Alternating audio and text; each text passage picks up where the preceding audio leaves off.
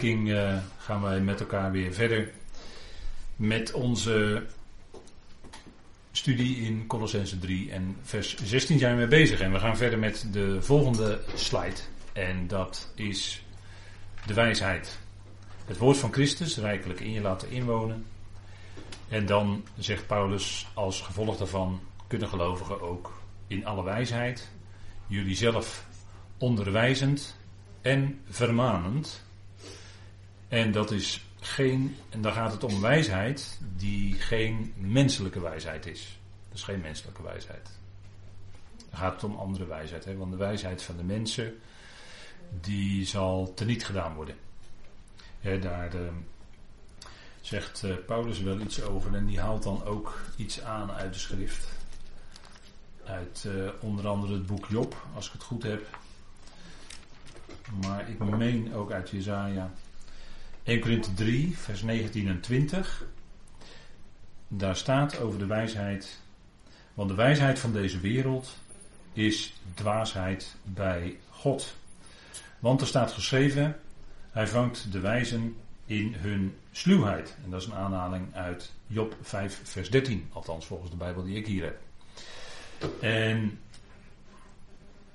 opnieuw, vers 20. De Heere kent de overwegingen van de wijzen dat zij zinloos zijn. Dat is een aanhaling uit de psalmen notabene. En zinloos, dat woord zinloos wat daar staat, dat heeft te maken met vruchteloos. Het draagt geen vrucht. Dus de wijsheid van de wereld de wijsheid van de filosofen. En deze uitspraak is natuurlijk extra geladen omdat, we, eh, omdat Paulus toen in de wereld leefde. Waarin al 500 jaar Griekse filosofie eh, veel opgeld had gedaan. Met eh, de bekende namen die u ook wel kent. En dat was in die dagen, en nog steeds is dat heel belangrijk. Hè, de leer van Plato bijvoorbeeld over de onsterfelijkheid van de ziel. Doet nog steeds opgeld. En dat is uh, het najokken van de tegenstander natuurlijk, hè, de onsterfelijkheid van de ziel. De tegenstander jokte daar al over in Genesis 3.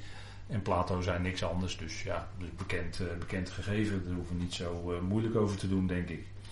En de Heer kent de overwegingen van de wijze dat zij vruchteloos zijn. En daar moet je soms als mens eerst achterkomen, maar als je de filosofieën van de wereld, als je daar iets van weet, dan weet je dat zij heel interessant en boeiend kunnen praten, maar uiteindelijk levert het niks op. Kijk, filosofen kunnen hun hele leven eh, prachtig filosoferen, maar het levert niks op.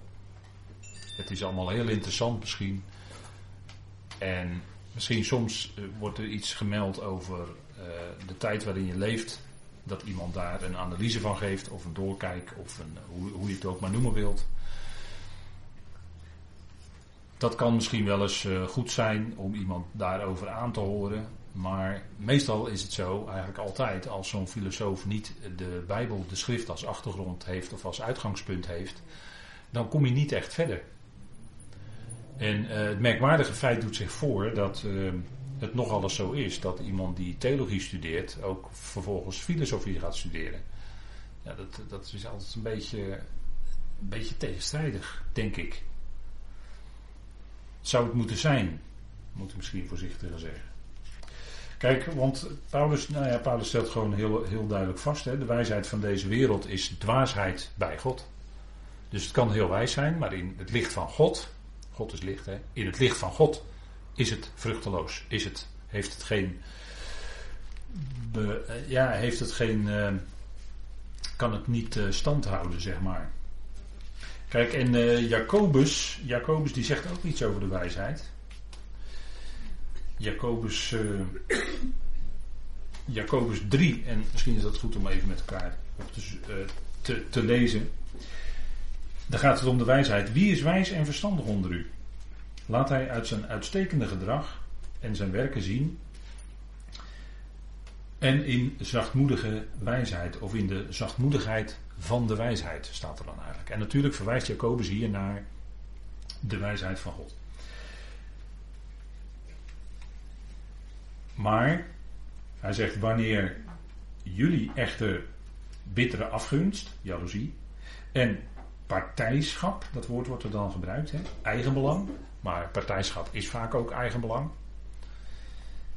partijschap in jullie hart hebt. Partijschap is een werk van het vlees, hè. Kijk maar na in Gelaten 5. In jullie hart hebt, beroem je dan niet en lieg niet tegen de waarheid. Of je vervalst dan eigenlijk de waarheid. Als je dus uh, wijsheid zoekt, maar je doet dat vanuit jaloezie, partijschap, eigenbelang, dan vervals je eigenlijk de waarheid. Dan blijf je dus niet bij de ware wijsheid. Want, zegt Jacobus, waar, dat is niet de wijsheid die van boven is, die van boven komt, van God, maar die wijsheid is aards. Dus aan de aarde gebonden. En dan staat er het woord natuurlijk in mijn vertaling, maar er staat eigenlijk ziels. Die wijsheid is aards, ziels en dan gaan we nog verder, een stapje naar beneden, demonisch. Dus die wijsheid die mensen dan zoeken, ja, kijk, in 1 Timotheus 4 geeft Paulus aan dat eh, mensen in de latere dagen of in de latere tijden zich zullen eh, afstand, afstand zullen nemen van het geloof. Ze zullen afstand nemen van het geloof. En wat doen zij dan? Zij wenden zich tot leerlingen van demonen. Paulus beschrijft het op een manier dat niet die demonen naar die mensen toe komen, maar die mensen wenden zich tot de demonen. En het grondwoord voor demon is leer. Leer, iets die iets leren. Demonen leren iets. Demonen willen je graag iets leren. En ik noemde net al een lering van demonen, dat is namelijk de onsterfelijkheid van de ziel. Dat is een lering van demonen. Dat is niet een lering vanuit Gods woord. Gods in Gods woord ligt dat anders. Want met zo'n van demonen, onsterfelijkheid van de ziel, waar kom je dan terecht? Dan kom je terecht bij wat ze dan met een mooi woord tegen, uh, en ze voegen dan even een letter erin, en dan hebben ze het over spiritualisme. Spiritualisme. Maar je moet eigenlijk een letter dan wegstrepen. Het is dan eigenlijk spiritisme. Twee letters, twee letters weg, hè? Ja, twee letters weg. Spiritisme. En wat doe je bij spiritisme? Dat doen ze met uh, Ouija-borden en op scholen doen ze dat. En in, uh, je kan het ook via internet natuurlijk allemaal doen tegenwoordig. Alles kan je via internet doen tegenwoordig. Alles. Je kan het zo gek niet bedenken. Maar je kan ook met Ouija-bord. En dan kom je in contact met demonen, met machten die dan letters aanwijzen en weet, ik wat allemaal. Die jou dan op die manier bepaalde boodschappen doorgeven. Astrologie is hetzelfde verhaal. Waarmee kom je dan in contact? Kom je in contact met demonen. Want dan zeggen ze ja, wie, wie, wil je spreken? Je overleden, je overleden moeder of je overleden oma? Nou, dat kunnen wij wel regelen voor je, dat je die kan spreken. En dan kom je niet aan de lijn met je overleden moeder of met je overleden oma. Maar dan kom je aan de lijn met demonen. En dan heb je dus de verkeerde aan de lijn. En het is beter om je daar niet voor open te stellen. Het is beter om dat dicht, dat heeft God ook zo in deze tijd bedoeld. Dat bovennatuurlijke dicht, dat houden we dicht.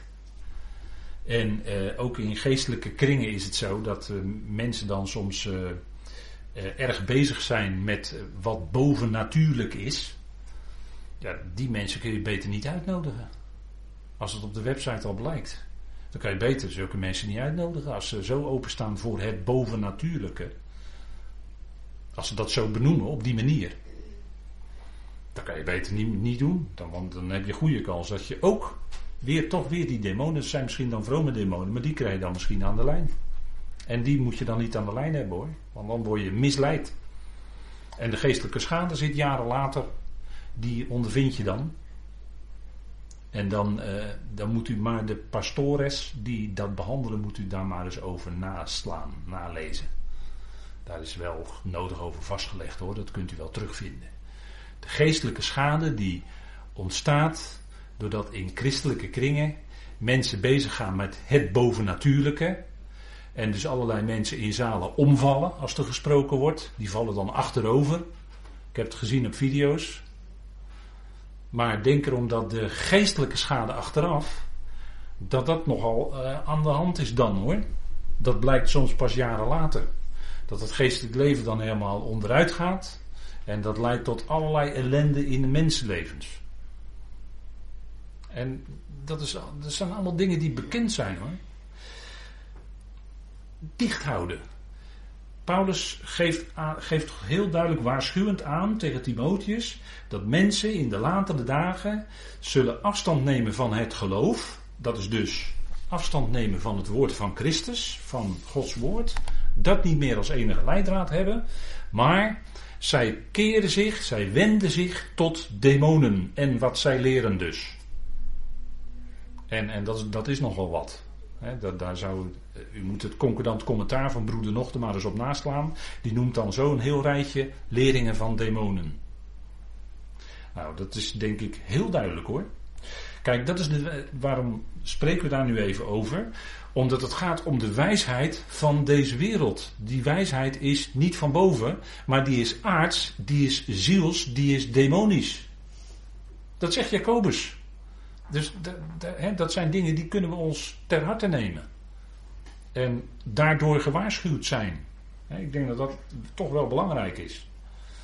En natuurlijk, wij zijn niet vele wijzen naar het, naar het vlees, zegt Paulus in 1 Korinthe 1. Dus we hebben van onszelf niet zoveel wijsheid. Degenen die geroepen worden, dat zijn niet de grote filosofen van deze tijd. Dat zijn niet de supergeleerde mensen van deze tijd. Nee, eenvoudige mensen, zoals u en ik, die worden geroepen.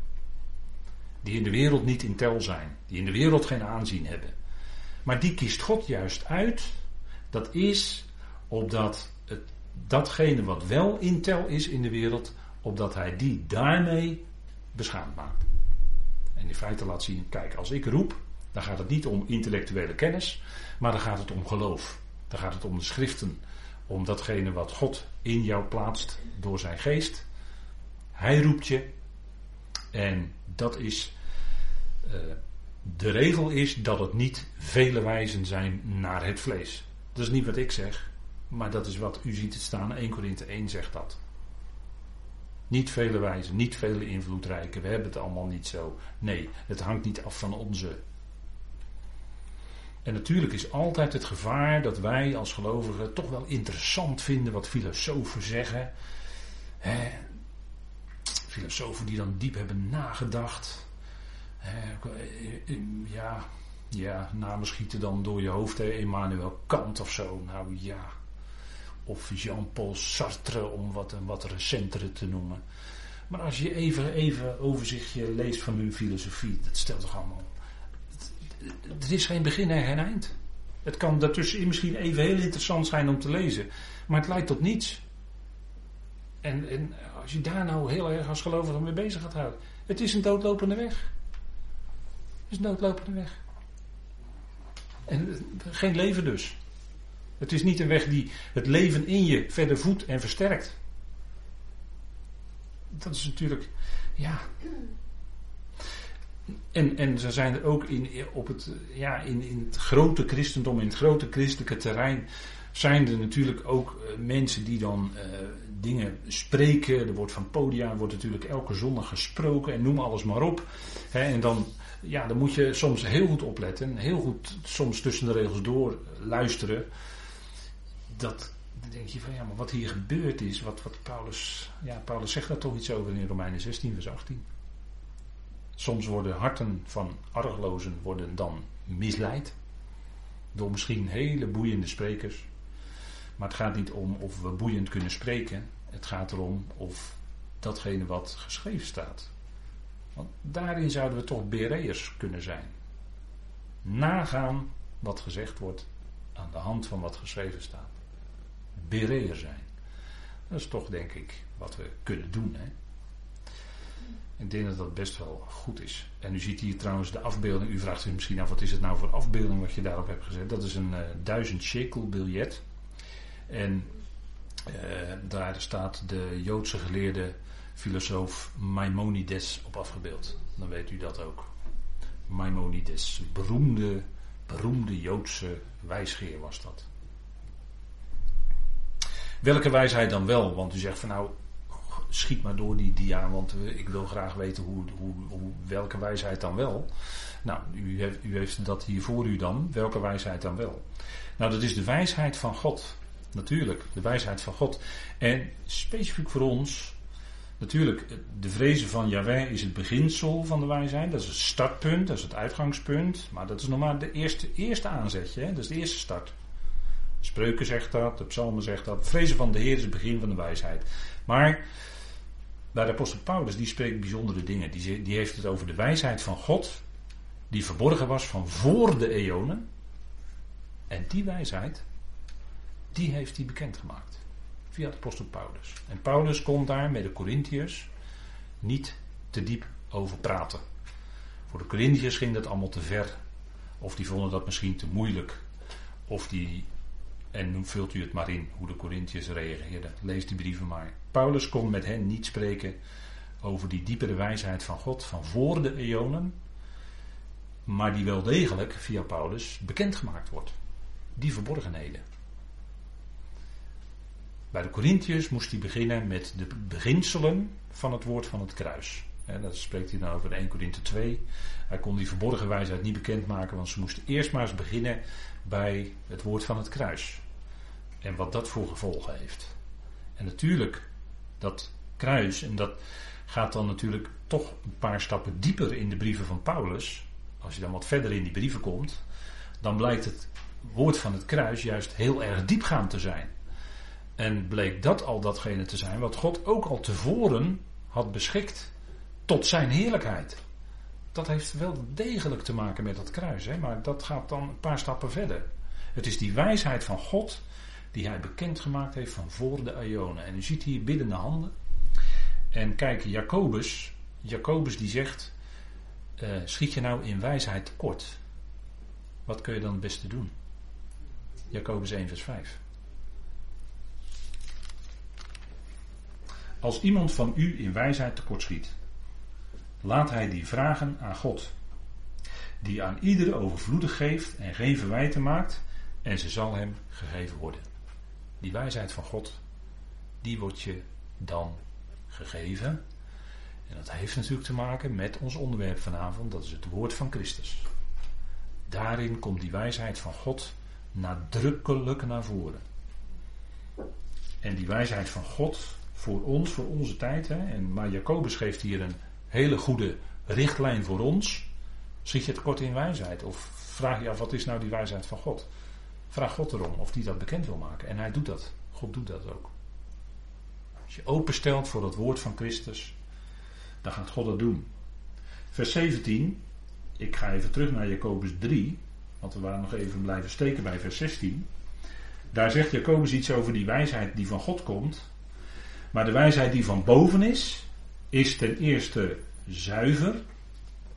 Vervolgens vreedzaam, welwillend, voegzaam, vol barmhartigheid en goede vruchten, onpartijdig en ongeveinsd. Hè, ongehuigeld. Ongeveinsd is een wat ouder woord, maar dat betekent ongehuigeld. Die wijsheid is niet hypocriet, om het Griekse woord dan te noemen. En de vrucht van de gerechtigheid wordt in vrede gezaaid voor hen die vrede stichten. Kijk, die wijsheid die van God komt, die zoekt geen partij. We hadden het net over partijschap, maar dat heeft te maken met de wijsheid van deze wereld, van deze aarde, van de ziel. Die zoekt partijschap. Die wil het gelijk aan de kant hebben. Of die wil bij die groep zich betrekken. En menen dat die bepaalde groep waar je dan bij aansluit, dat die het bij het rechte eind heeft. Maar daar gaat het niet om bij wijsheid. Bij wijsheid gaat het om die wijsheid van God. Wat heeft dat nu te zeggen? En waar kijken we dan naar? Nou, dan kijken we in de, specifiek voor deze tijd naar dat evangelie wat apostel Paulus bekend maakt. Het woord van Christus. En dan bidden we tegelijkertijd niet, uh, ja natuurlijk om wijsheid, maar als we dat gebed met Paulus meebidden in Efeze 1, dan is dat gebed daar om de geest van wijsheid en onthulling in de erkenning van u. En dat kunnen wij bidden voor onszelf en dat kunnen wij bidden voor alle gelovigen wereldwijd. Dat al die gelovigen, want er zijn veel gelovigen die eigenlijk de basis, iets van die basis weten, dat Jezus voor hen persoonlijk is gestorven en opgestaan. Dat geloven ze echt, echt met hun hart. En meestal, helaas, komen ze niet veel verder. En dan kunnen wij bidden voor al die gelovigen wereldwijd, dat ze vervuld worden met de geest van wijsheid en onthulling in de erkenning van Hem. Dat is het gebed. Wat we voor elkaar bidden en wat we voor al die gelovigen kunnen bidden. En dan, ja, hoe dat werkt in, in het geestelijke wereld. Kijk, God werkt dat uit. God werkt dat uit. Hij geeft het ons mee om met Paulus mee te bidden. En we hebben dat ook in de Colossensebrief behandeld met elkaar. Dat ons gebed is naar Colossense 1. Dat we vervuld worden, want dat is wat Paulus, je, je, je merkt dat Paulus drang in het gebed is hier in Colossense 1 vers 9. Voor jullie te bidden en te verzoeken dat jullie vervuld worden met de erkenning van zijn wil. Hoe? In alle wijsheid en geestelijk inzicht. Zo. Dus Paulus die voor die medegelovigen in Colosse en voor hemzelf en voor al die anderen. Hierom, hè, om vervulling met de erkenning van zijn wil. Dus als je die wil van God gaat erkennen, dan zit daar een stuk wijsheid in. En als je die wil van God gaat erkennen, voor, ook voor jouw persoonlijk leven, hè, dat God jou, Gods wil is dat je, ja, God stuurt vaak toch, denk ik ook wel door de omstandigheden en hoe het gaat in je leven. En dat is dan zijn wil. Dat je dat ook gaat erkennen voor jezelf, dat, dat, dat God dat zo doet. Dan neem je ook toe in geestelijk inzicht. Wijsheid en geestelijk inzicht. Dat is waar Paulus voor bidt in Colossens 1. En dat is zodat je de Heer waardig kunt wandelen. Het is direct heel praktisch gericht, hè? want wijsheid in de schrift is ook direct heel praktisch gericht. Mensen zoeken wijsheid voor hun dagelijks leven. Wat moet ik doen in die situatie? Wat moet ik doen in die situatie? Wat moet ik dan doen? Hoe moet ik met die omgaan? Hoe moet ik met mijn werk omgaan? Hoe moet ik met dat proces in mijn leven omgaan? Mensen zoeken voortdurend wijsheid. Zo van, hoe moet ik daarmee omgaan? Dat is wijsheid zoeken, die vraag stellen. Nou, we hebben hier, we krijgen uit de schriften daar het antwoord op. Wat zegt God nou? Wat zegt God nou over die omstandigheden? Wat zegt de Heer nou over je relaties die je hebt? In je gezin, op je werk, eh, noem maar op. In mensen die je tegenkomt in de maatschappij. Als gelovige. Dat is je gebed. Zodat jullie de Heer waardig wandelen. En dat ga je steeds meer ontdekken. Tot geheel zijn behagen in alle goed werk vrucht en groeiend in de erkenning van God. Groeiend in erkenning van God. Steeds groeien in erkennen. Van ja, God, u doet het zo in mijn leven. Dank u wel dat u het zo doet. U bent God. U bepaalt dat in mijn leven. U zet dat in mijn leven. U zet mijn leven nu daar neer. Op die plek, in die situatie, in dat werk, in dat gezin. En noem alles maar op. Dat is God die dat doet. Dat is de plaatser. Theos in het Grieks is plaatser. Hij plaatst. En vanuit het Hebreeuws is het woord natuurlijk onderschikker. Hè? En we leren stapje voor stapje ons steeds meer te onderschikken aan hoe God het doet in ons leven. En dan hadden we het voor de pauze over moeilijke dingen. Over lijden en verdrukkingen. En als we ons daaraan leren onderschikken, onderschikken we ons aan wat God dan uitwerkt in ons leven. En zegt u ja, dat is geen makkelijke weg. Nee, dat is geen makkelijke weg. Maar we hebben in al die omstandigheden die verzekering van de apostel Paulus toch. De Heer is nabij. De Heer is nabij. In alle omstandigheden waar. En dat is, als je dat beseft, als je dat beleeft, dan is dat zoiets geweldigs in je leven. Geestelijke wijsheid en onthulling wijsheid. Hè, en dan zegt Paulus nog meer in vers 16. In alle wijsheid, jullie zelf onderwijzend en vermanend. Eerst, allereerst jullie zelf. Dus het woord van Christus onderwijst ons. Hè. Het komt eerst naar jouzelf toe. Naar u, jou en mijzelf toe. En elkaar onderwijzen en elkaar vermanen, dan wordt het al oppassen, oppassen. Kijk, Christus Jezus onderwijst ons. En Paulus is voor deze tijd de leraar waar wij naar luisteren. Die ene. Paulus. En hij zegt ook, En dat zegt hij juist bij de Corinthiërs. Let op, niet allen zijn leraren. Niet allen zijn leraren. Laat niet te snel je iets aantrekken wat niet bij je past. Niet allen zijn leraren. En in die tijd gold nog dat Paulus de vraag kon stellen: niet zijn alle soms apostelen? En ik meen dat Jacobus ook in als, als een principe ook zegt. Jacobus die zegt dat als een principe. Laat niet zoveel onder jullie leraar willen zijn. Want ja, dat heeft consequenties. En dat is iets dat, niet lichtvaardig, eh, dat je niet lichtvaardig kunt eh, opvatten. Dat het heel belangrijk is wat je anderen leert, wat je anderen onderwijst. En daarom keek Paulus ook best wel, denk ik, heel wat jaren rond. Voordat hij ontdekte dat Timotheus, dat maak, ik denk dat de Heer dat hem duidelijk maakte, dat Timotheus zijn opvolger was. Dat Timotheus de leraar was die die boodschap verder ging dragen. En dat was, omdat Paulus kon, eh, zei dat ook in 2 Timotheus 3 vers 10. Timotheus, jij bent mij volledig gevolgd. Dat is natuurlijk een, een punt, hè. Jij bent mij volledig gevolgd, 2 Timotheus 3 vers 10. Jij echter volgt mij volledig in onderwijzing. Dat is het eerste.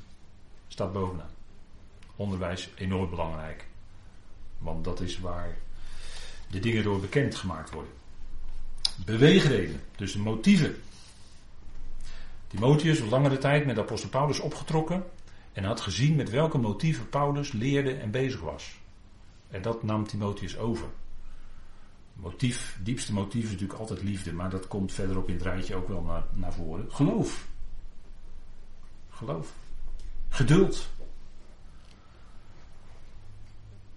Paulus moest geduld hebben met die medegelovigen. Oh, oh, oh, oh, oh, wat moest Paulus een geduld hebben met die medegelovigen. De Corinthiërs, dat was geen makkelijke gemeente hoor. En met de tegensprekers, wat denkt u ervan? De tegensprekers. Hè? De tegensprekers.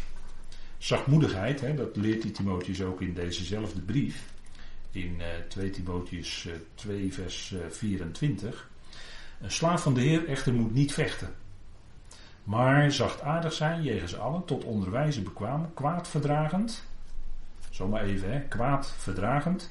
In zachtmoedigheid hen die tegenwerken opvoedend, of God hen al niet berouw geeft om tot erkenning van de waarheid te komen.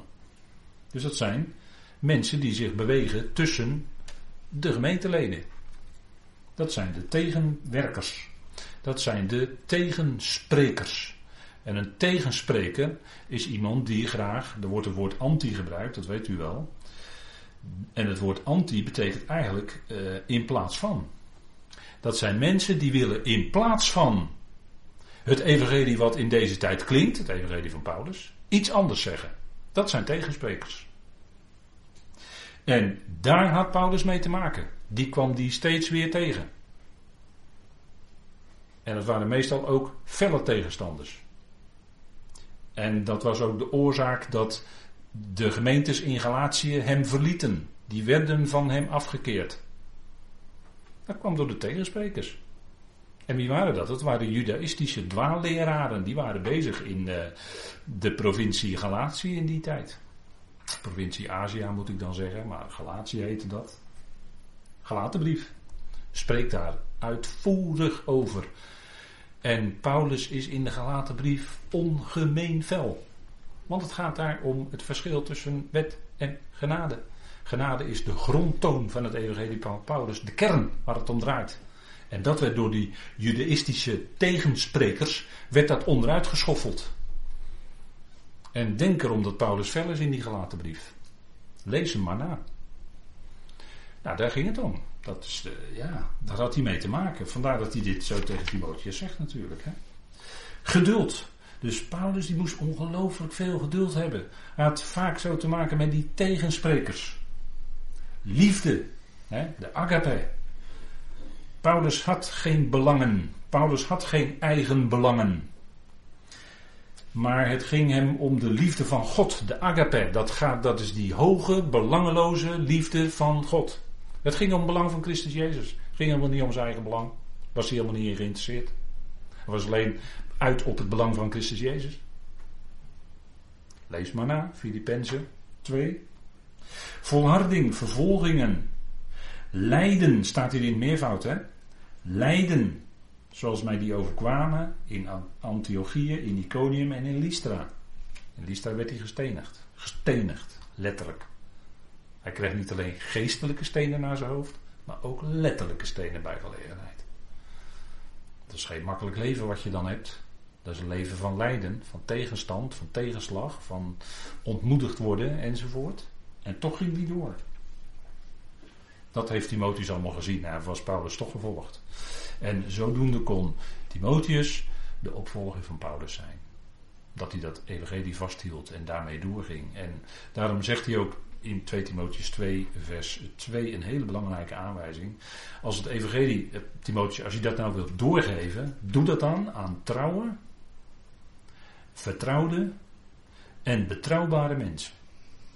Dus het zijn mensen die vertrouwd zijn met het evangelie, die dat evangelie waarvan je dus ook ziet dat zij dat evangelie ook met trouw en betrouwbaar zullen doorgeven. Daarmee verder zullen gaan. Geef het aan die mensen door. Dat is een hele belangrijke aanwijzing. En uh, Titus zou dat ook spreken, hè? lees u maar eens naar in Titus 2, vers 1. Titus zou dat spreken, hè? wat overeenstemt met het betrouwbare woord wat hij van de apostel Paulus had gehoord. En daarmee verder gaan. Titus was ook zo'n medewerker. Hè? Jullie zelf en dan, uh, dat is dus wat het onderwijs betreft, ontzettend belangrijk. Paulus was de leraar, Paulus is de leraar van de natie. Dat onderwijs enorm belangrijk. En jullie zelf onderwijzend en vermanend. En het woord vermanen heeft misschien voor u een bepaalde klank. Maar letterlijk betekent dat het plaatsen van ons denken of onze denkzin in de juiste richting. Dat is eigenlijk het letterlijke betekenis van het Griekse woord. dus dat die denkzin geplaatst wordt in de juiste richting. Gericht wordt op die grote God, die onderschikker is, die plaatser is. En dat de gelovigen daarop gericht zijn. Want er kan zomaar zoiets ongelovig ontstaan dat ze graag uh, iemand willen navolgen die interessant doet of spreekt of wat dan ook. Nee, spreek die gelovigen aan. Zorg dat de zwakker voldoende aandacht krijgt. Zorg dat, enzovoort. Hè. Wat hij allemaal daar zegt in, uh, in Thessalonicense 5. Hè. De voorstaanders, degene die voor staan, hè, letterlijk, die spreken de gelovigen aan en doen dat om ze, ja, dat woord terechtwijzen wordt dan gebruikt in de NBG-vertaling. Maar ik hou toch liever nog altijd bij dat letterlijke, het plaatsen van de denkzin. Het denken. Denken, wat doet Gods woord met je denken? Het zet in de juiste richting. En de juiste richting is, als in de lijnen van Paulus, van zijn evangelie en ook voor de praktische lijnen in de praktijk zien, uitwerken, dan is die praktische lijn altijd een van onderschikking. Dat is de lijn. Dat is de lijn die het terechtwijzen in zich draagt. Hè? Dat de gelovigen zich onderschikken aan het woord. Aan het woord. We kennen geen autoriteit van mensen, maar we kennen wel de autoriteit van het woord van God zelf. Van het evangelie van Paulus zelf. Dat is de autoriteit die boven ons gesteld is. En daar luisteren we naar. En daar richten we ons op. Daar laten we ook ons leven door richten. Om het zo maar te zeggen. Dat, dat, dat zorgt ervoor dat ons leven als gelovigen in die juiste richting blijft staan. In de richting van onderschikken. En natuurlijk gaat dat met allerlei.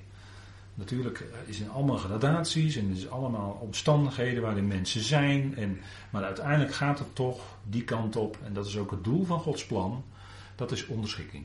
En dat is ook wat je in de praktijk leest, uh, waar we nog op zullen komen dan in de komende versen. Dat dat spreekt over dat punt. Nou, als een broeder, doe dat dan als een broeder. Hè. Als je dan uh, aanspreekt of als je terecht wijst, doe dat dan als een broeder. Besef dat die andere een broeder of zuster van je is.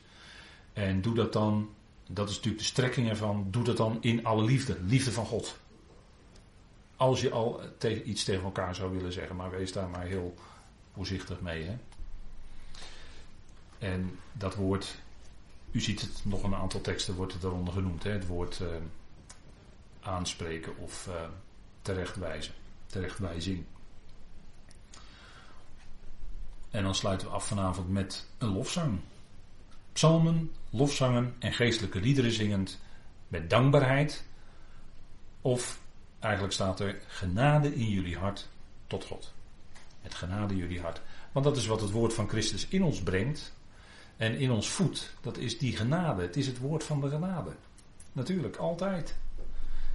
En dat geeft vreugde in je hart. Het effect van genade in je hart is vreugde, is blijdschap. Een blijvende. Geen oppervlakkige, maar een blijvende vreugde in je hart. Dat is genade. En dan ga je als vanzelf, zou je willen zeggen, zingen. Ja, natuurlijk. Als die vreugde in je hart is. Hoe de omstandigheden ook zijn. Toch is daar een lied in je hart. Of kan een lied in je hart zijn, laat ik het maar voorzichtig weer zeggen. En kijk, wat is nou een psalm? We moeten niet direct denken aan die 150 psalmen. Hoe mooi die ook zijn, die liederen voor Israël. Ze zijn mooi. Maar dat is niet wat het woord psalm hier direct zegt. Psalm betekent, je maakt een compositie en je beleeft dat evangelie. Je maakt een compositie en dan zet je op muziek. En dan heb je een vorm van psalm. Niet direct van David, maar dan misschien van een medegelovige. En er zijn prachtige liederen. En ik ben een, ik mag het niet zeggen, maar ik ben een beetje jaloers op Duitsland. Want daar, eh, de concordanten hebben een liederenbundel. Een concordante liederenbundel. Dat vind ik wel heel mooi eigenlijk. Ik zou graag willen dat een hele serie van die liederen nou eens vertaald werden. En, maar goed, dat is misschien uh, mijn wens. Ik weet het niet. Maar het is prachtig. Snaren bespelen. Want die genade, die bespeelt de snaren van je hart. En wat zijn nou de psalmen? Kijk, uh, een broeder als Dian Huff in Amerika heeft dat wel eens uitgewerkt in de UR. En dan zegt hij, kijk, kijk nou eens naar een psalm van Paulus. En dan, uh, dan, dan zet hij bijvoorbeeld een stukje uit Romeinen 5 of Romeinen 3, zet hij in een bepaalde op een bepaalde manier zet hij dat neer. En kijk eens wat een mooi lied. En dan zegt hij: Kijk eens wat een mooi lied Paulus hier zingt. Nou, dat, dat zijn dan aanzetjes, weet je wel. En een lofzang, een lofzang is een hymne. En een hymne is een loflied. En dat is natuurlijk een loflied tot God. Hè. Als je dat evangelie, als je dat woord van Christus in je, dan is daar ook tegelijkertijd die genade in je hart. En natuurlijk ook die dankbaarheid. En dat doet de snaren van je hart bespelen. En dan komt er een loflied tot God in je op. Het probleem is dat wij in het Nederlands niet zoveel liederen hebben, want het derde punt is geestelijke liederen. En dan komen we dus wel aan een punt. Hè? Wat is nou een geestelijk lied in onze tijd? Een geestelijk lied is, en ik kan het toch niet anders zeggen dan zo, is een lied wat overeenstemt met de inhoud van het evangelie, wat we mogen kennen en beleiden. En als we iets anders zingen, en we zingen echt iets wat ervan afwijkt, een, een couplet of een regel. Ik zing het niet mee, sorry. Ik ben dan misschien wel uh, vervelend dan op dat moment. Maar ik, ik kan het dan niet meezingen. Ik kan niet meezingen. En ik, u weet zelf ook de voorbeelden. Ik ga geen voorbeelden noemen. Maar geestelijke liederen zijn die liederen die, die overeenstemmen met de inhoud van Gods woord voor deze tijd. Want als je een lied zingt, in een samenkomst of wat dan ook als gelovigen onder elkaar, dan beleid je daarmee ook iets. Je zingt op dat moment met z'n allen hetzelfde. En dat is een vorm van beleiden ook wat je dan doet. Dus als je het uitzingt, dan beleid je dat ook tegelijkertijd. Dus ik, en u zegt, nou, dat zeg je wel een beetje zwaar nu. Ja, nou ja, maar eigenlijk is dat natuurlijk wel zo. Hè? Want uh, ja, stukjes uit, uit de brief van Paulus wordt wel eens van gezegd dat het eh, bestaande hymnes waren die dan in zo'n brief van Paulus terecht zijn gekomen. En dat was dan inderdaad, blijkt dan door God geïnspireerd te zijn geweest. Prima. Als het Gods woord is, als het in de brief is opgenomen, is prima. Maar dat zijn dus geestelijke liederen die overeenstemmen met datgene wat het evangelie aangeeft. Ja, en er wordt, er wordt zoveel gezongen op, op het christelijk erf met name sinds de jaren 60, 70 eh, zijn er heel veel eh, evangelische liederen eh, gekomen. En is ook een evangelische liedbundel enzovoort en noem alles maar op. Maar als je de liederen dan er dus op naslaat, wat er nou precies allemaal in staat, dan kun je toch afvragen of het altijd geestelijke liederen zijn. Maar wat in je hart opkomt, die genade die in je hart werkt, met genade in jullie hart tot God. Dat is ook het effect van het woord van Christus in ons. Het effect is genade. En dat zorgt ook tegelijkertijd, dat is iets anders, zorgt ook tegelijkertijd voor een stukje ruimte naar die medegelovigen toe. Genade geeft ook ruimte in je hart. Kijk, het tegenovergestelde is wet. En wat doet wet? Dat versmalt je hart. Want die ander die de wet overtreedt, die valt er buiten. Automatisch. Krijg je dan gelijk? Die valt automatisch te buiten. Buiten het bootje. Want die voldoet niet aan de op dat moment geldende wet of regel. Maar genade maakt je hart ruim naar iedere gelovige toe. In het besef dat God toch met iedere gelovige op weg is. Op weg is naar dat grote einddoel van onderschikking. En God gaat die knieën ook daar brengen. Ook van die gelovigen waar je het misschien, die je moeilijk, uh, die je tegenkomt in het lichaam van Christus, waar je het moeilijk mee hebt. Genade maakt ons hart ruim. Is wat Paulus ook zegt tegen de Corinthiërs. Jullie hart zou ruimer worden, Corinthiërs, naar elkaar toe. En ook zeker naar de apostel Paulus. Dat was ook een punt, nadrukkelijk. Dat is wat genade in ons hart doet. Dat wensen we elkaar toch toe. Dat die genade in ons hart bepalend is van hoe je nu naar die ander je verhoudt. Hoe je naar die ander toe bent. Of het nou een gelovige of een ongelovige is. Want genade is het hoogste wat Gods liefde teweeg brengt. Goed, laten we met deze overweging dan vanavond afsluiten. Ik wil met u danken. Zullen we dat doen? Vader, dank u wel dat we weer een moment stil konden staan bij de brief van Colossense. We danken u voor de rijke inhoud ervan. We danken u voor het evangelie wat ons in de schoot is geworpen, het evangelie van de apostel Paulus. U heeft het behaagd, vader, om dat bekend te maken. En dank u wel dat het steeds meer bekend wordt. En dat wereldwijd er gelovigen zijn die ook de diepere waarheden mogen erkennen. Vader, en ook dat is genade. U heeft ons veel aangereikt en Vader, we bidden dat dat woord van Christus inderdaad rijkelijk in ons woont. Zodat het zich uitwerkt in onderschikking en wijsheid en het willen richten naar wat die genade van u te zeggen heeft. Die genade in ons hart. Vader, dan gaat ons hart zingen. Zingen van die genade. Zingen in dankbaarheid. Ondanks de omstandigheden. Vader, zoals uw apostel en Silas in de gevangenis met de voeten in het blok zongen in de nacht. Vader, dat is heel wonderlijk dat het kan. U werkte dat uit en u werkt dat ook in ons uit. Dat we misschien als het allemaal donker om ons heen lijkt in ons leven, ook als gelovigen, kan dat gebeuren. Dat we leren zingen in de nacht. Vader, dank u wel. Dank u wel dat we zo met elkaar deze dingen mogen overwegen. Dat u ons een luisterend oor wilde geven.